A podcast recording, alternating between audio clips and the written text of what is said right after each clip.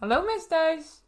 Welkom bij een nieuwe aflevering van de Björnhult mini-podcast. live vanuit de Björnhult studio. Want dat hebben we de vorige keer niet verteld. Dit huis heet Björnhult, daarom de naam van de podcast. Belangrijke informatie.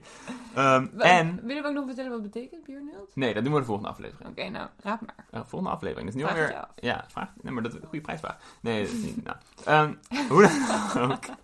De aflevering en de hele podcast staan nu ook op Spotify. We zijn official, professional podcasters. Je kan ons opzoeken op Spotify, de Björnhult mini-podcast. En Björnhult is met een umlaut op de O. Veel plezier! Veel plezier.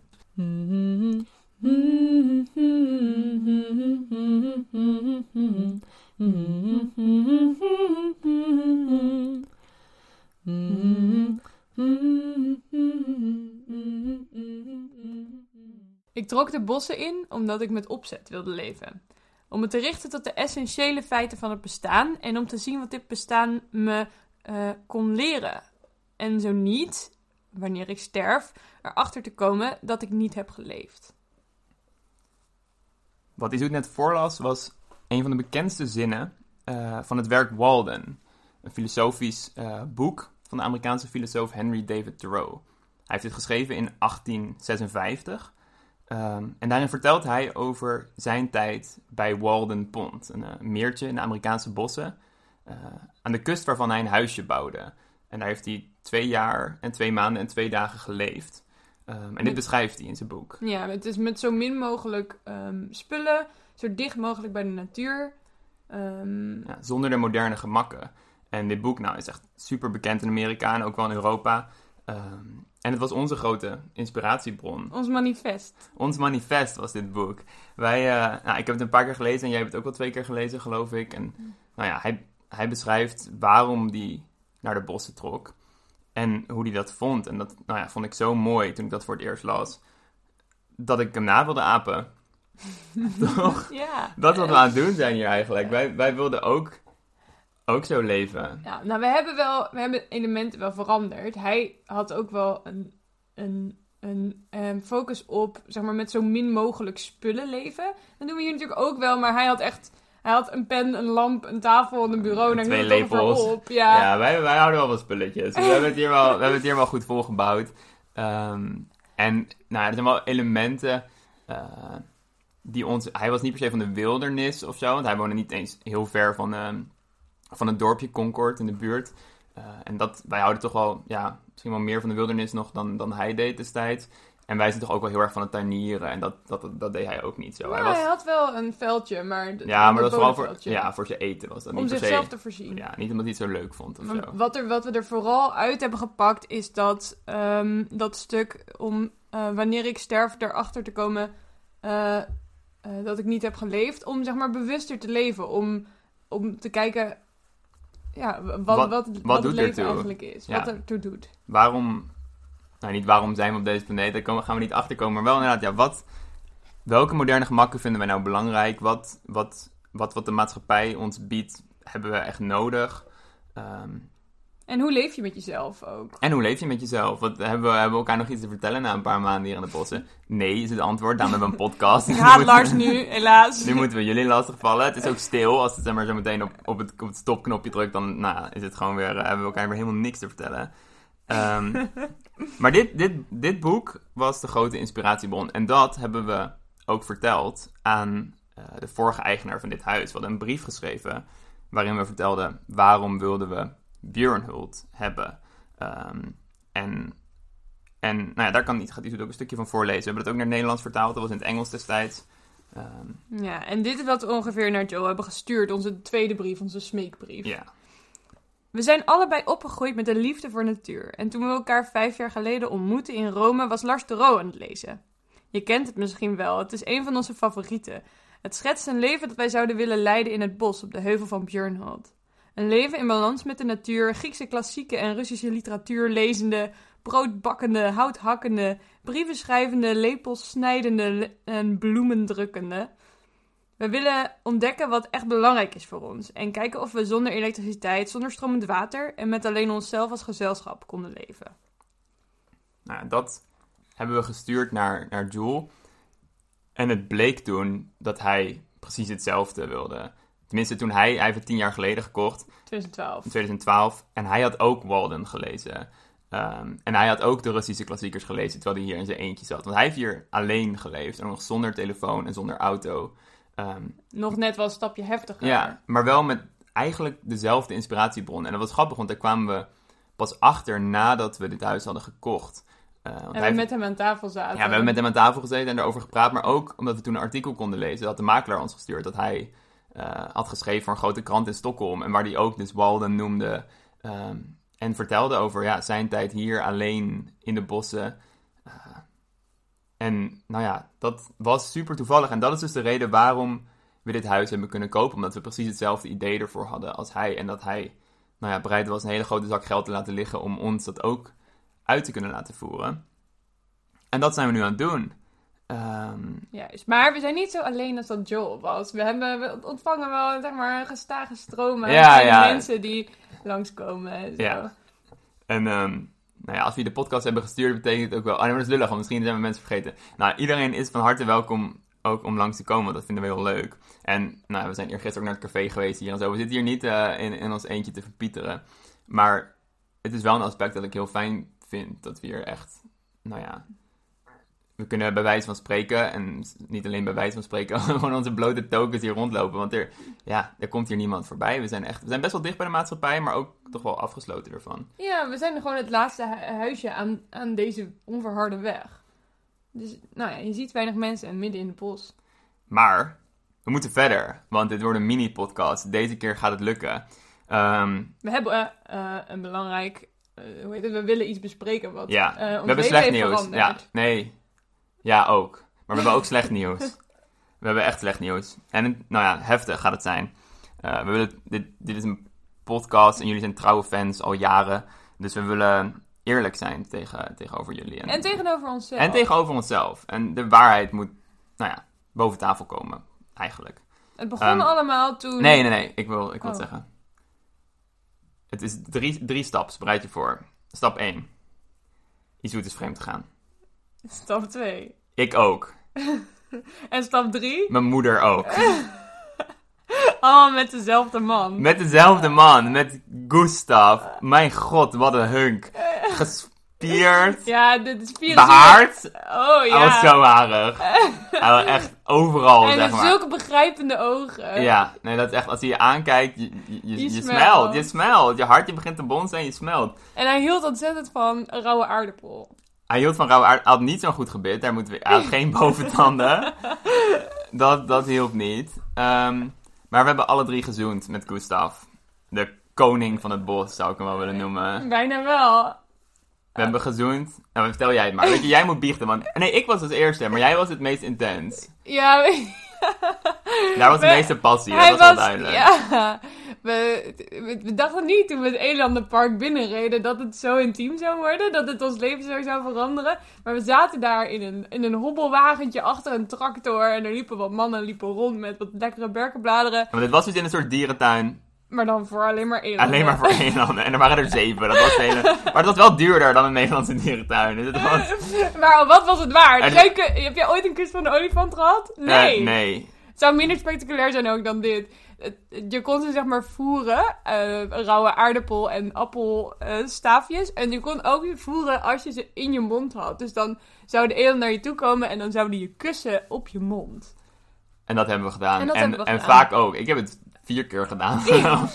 Maar ook met andere elanden. Er was ook nog een vrouwtje dat zo? eland. Oh, en er ik- was een baby Ah, ik zat zo in het moment. Ja, ik had ik niet eens. Ik, kon, ik heb niet met de baby eland gezoend. Nee, maar die durft ook niet dichtbij te Ik wil komen. misschien nog wel een verhaal vertellen als we er tijd voor hebben over. Oh, je vroeg of ik een olifant ooit had gezoend. Maar ik kan wel me vertellen over mijn intieme ervaring met een olifant toen ik een kind was. Nee, nee, ik wil het toch even snel vertellen. Olifant was mijn favoriete dier aller tijden. Ik spaarde olifantenbeeldjes. Echt iedereen weet het ook. Ik had echt.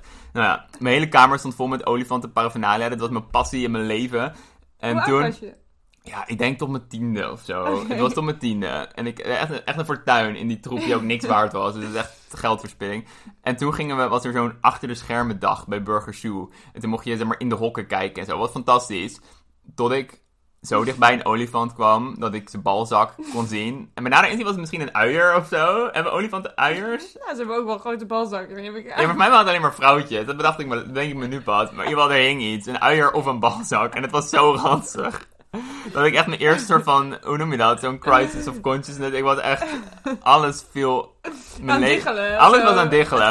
Ja, want de elkaar. basis, mijn leven was een piramide en de basis waren olifanten. Dus dat wil ik even vertellen. Mm. Maar nu, olifant, not, no longer my best friend. Gustav is my best friend. En geen toeval. Gustav zat in een hok, maar niet zo'n goed hok. En we hebben hier nu elandenpoep gevonden in het bos achter ons huis. Hij is ons gevolgd. De passie was wederzijds, ondanks dat hij Hij komt ons halen. Hij komt af en toe een kusje nemen. drie keer per dag moest hij 100 Nederlanders en Duitsers tongen. Het was waarschijnlijk dierenmishandeling. Dus onze excuses ook daarvoor. We hebben een dier mishandeld door met hem te tongen. Maar het was het waard. Voor, ja, nou ja, voor... Verder hadden ze het wel goed door die beesten daar. Dat, het was een grote hok en het, het was redelijk natuurlijk. En die mensen zorgden duidelijk goed voor ze. Maar Het was wel een soort prostitutie eigenlijk. als Ja. Het was elandenprostitutie. het was moreel niet helemaal juist. Maar was het het waard. Het was het waard. En mijn moeder ook, hè. Dus als, papa, als je dit hoort...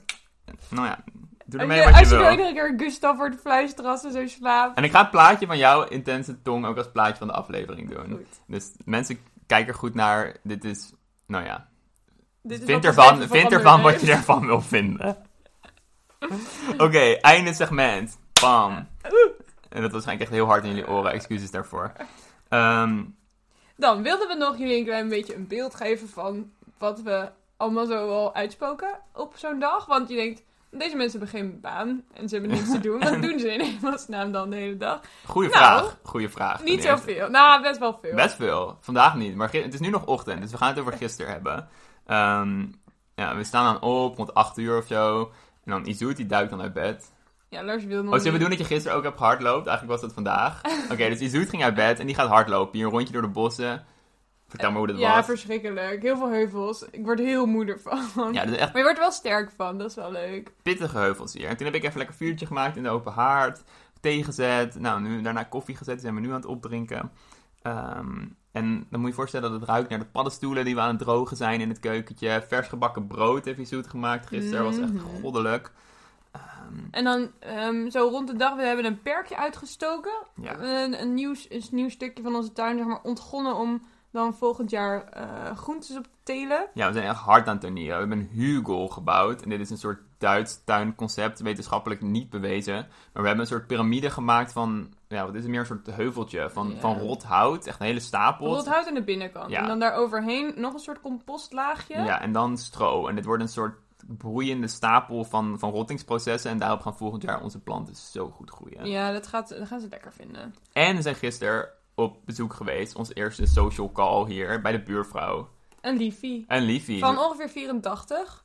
Ehm, En het was fantastisch. We hebben daar een uur. En we kunnen echt, nou, ons weten is onderhand dus zo goed dat we echt een uurtje kunnen kletsen met zo'n omaatje. Ehm, het is wat moeilijker met de andere buurman, want die, die is zeg maar, Die heeft een soort accent, een een soort Smålands accent. Ja, dus het is echt lastig. Maar ook dat gaat goed. We zijn, hij, hij mag ons ook wel. Hmm. Eh, maar dat was echt genieten. En ik vond het zo... Nou, wat ik daar nog van wil vertellen is dat... eh, wat ik echt heel erg geniet vond, dat we naar haar vroegen. Van, nou, want zij is hier geboren ook. Dus iets van 85 jaar geleden of zo. En toen vroeg ik van, ja, hoe is het nou veranderd hier als je om je heen kijkt? En als je dat in Nederland aan iemand vraagt, krijg je echt een hele waslijst aan, weet je wel, wat er allemaal veranderd was. Dit is erbij gekomen Ja. daar is straat gelegd. Ja. En... En wat zij zei, ja, die schuur is nieuw. En verder was het wel ongeveer zoals het nu was. Want al die gebouwen hier zijn knetter oud. En nou ja, blijkbaar was het al, de bossen en de natuur was, was niks aan veranderd. En er zijn hier niet zo heel veel mensen bijgekomen Nee. of zo. Dus, nou. Dat, en dat sprak zo erg tot mijn verbeelding. Dat dit, nou ja, bijna een soort tijdloos... En dat is het natuurlijk niet, maar wel, min, wel een beetje. En dat vond ik wel echt fantastisch. Veel meer dan waar we vandaan Ja, komen. ja dat, dat sowieso. Het is echt veel minder dynamisch. En toch door die natuur juist ook super dynamisch. Ja. Ehm, En dan, daarna hebben we ook nog ehm, eh, hebben we een kleine wandeling gemaakt. En wat heel leuk is in de Zweedse natuur is dat... ehm, eh, nou, de Zweden hebben een soort nationale hobby en dat is eetbare dingen zoeken in de natuur. Ja. Nu zijn er heel veel mensen die hier in het bos ook paddenstoelen aan het plukken zijn. Dat zijn wij ook aan het doen. Ja, en we leven nog. gevonden. Dus dat is goed. leven nog. Als, als dit de laatste aflevering van de podcast was, ik hou van jullie allemaal. Maar we hebben ook paddenstoelen gegeten en we hebben tot nu toe overleefd. En dus ook heel veel jeneverbessen die je kan verzamelen voor in de stoof. En, en wat zaden die we misschien wel willen versturen. En, eh, nou, Al dat soort dingen. Ja, we zijn echt lekker aan het, aan het verzamelen. We hebben dus echt, nou, we hebben echt al kilo's paddenstoelen. En dat is zo leuk om te zien aan een supermarkt kost het echt een tientje per Ja, 150 gram of er zo was, was, er was het. 8 euro voor 150 gram kanterellen. Wij hebben echt al wel een kilo aan paddenstoelen hier Dat is binnen gehad. ziek. Dus dat is nice. Ehm, en dan moeten we afsluiten, want we naderen alweer de, de eindtijd. Het segment waar jullie allemaal op zaten te wachten.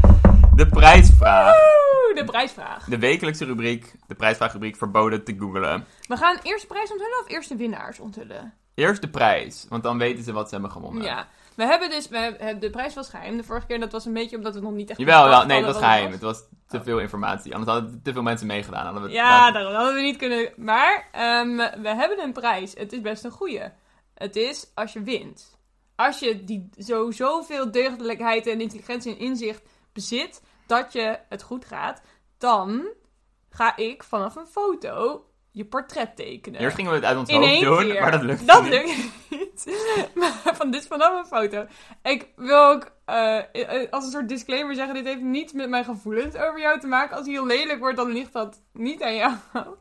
Eh, maar dan krijg je dus een portret. En die hangen we dan Op de winnaarsmuur. winnaarsmuur. We maken een muur met alle winnaars van de wekelijkse wordt prijsvragen. Vereeuwigd. Ja, en we hebben deze week, had vorige week twee winnaars gehad. Het was, en het, het was misschien ook wel een makkelijke. Vooral, nou ja, voor de kenners, die hoefden, hoefden niet lang na te denken. En we hadden twee kenners.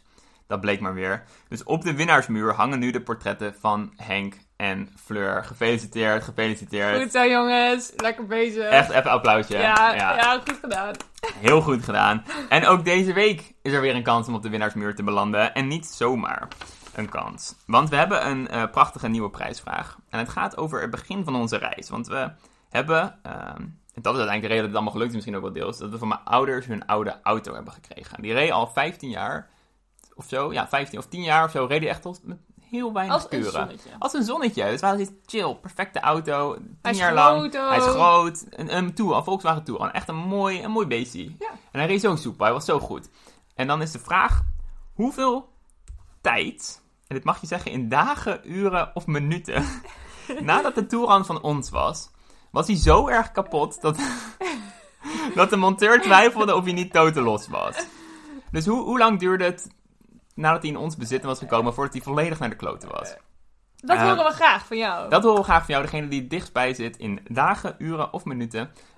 komt op de winnaarsmuur. Dus eh, pak, Doe je best. doe je best. Pak die kans. Pak je telraam erbij en eh, ja, Succes. succes. Dat was ook alles voor vandaag. Dus we wensen jullie een hele fijne dag. Ja. En ehm, ja, tot later. Tot de volgende keer.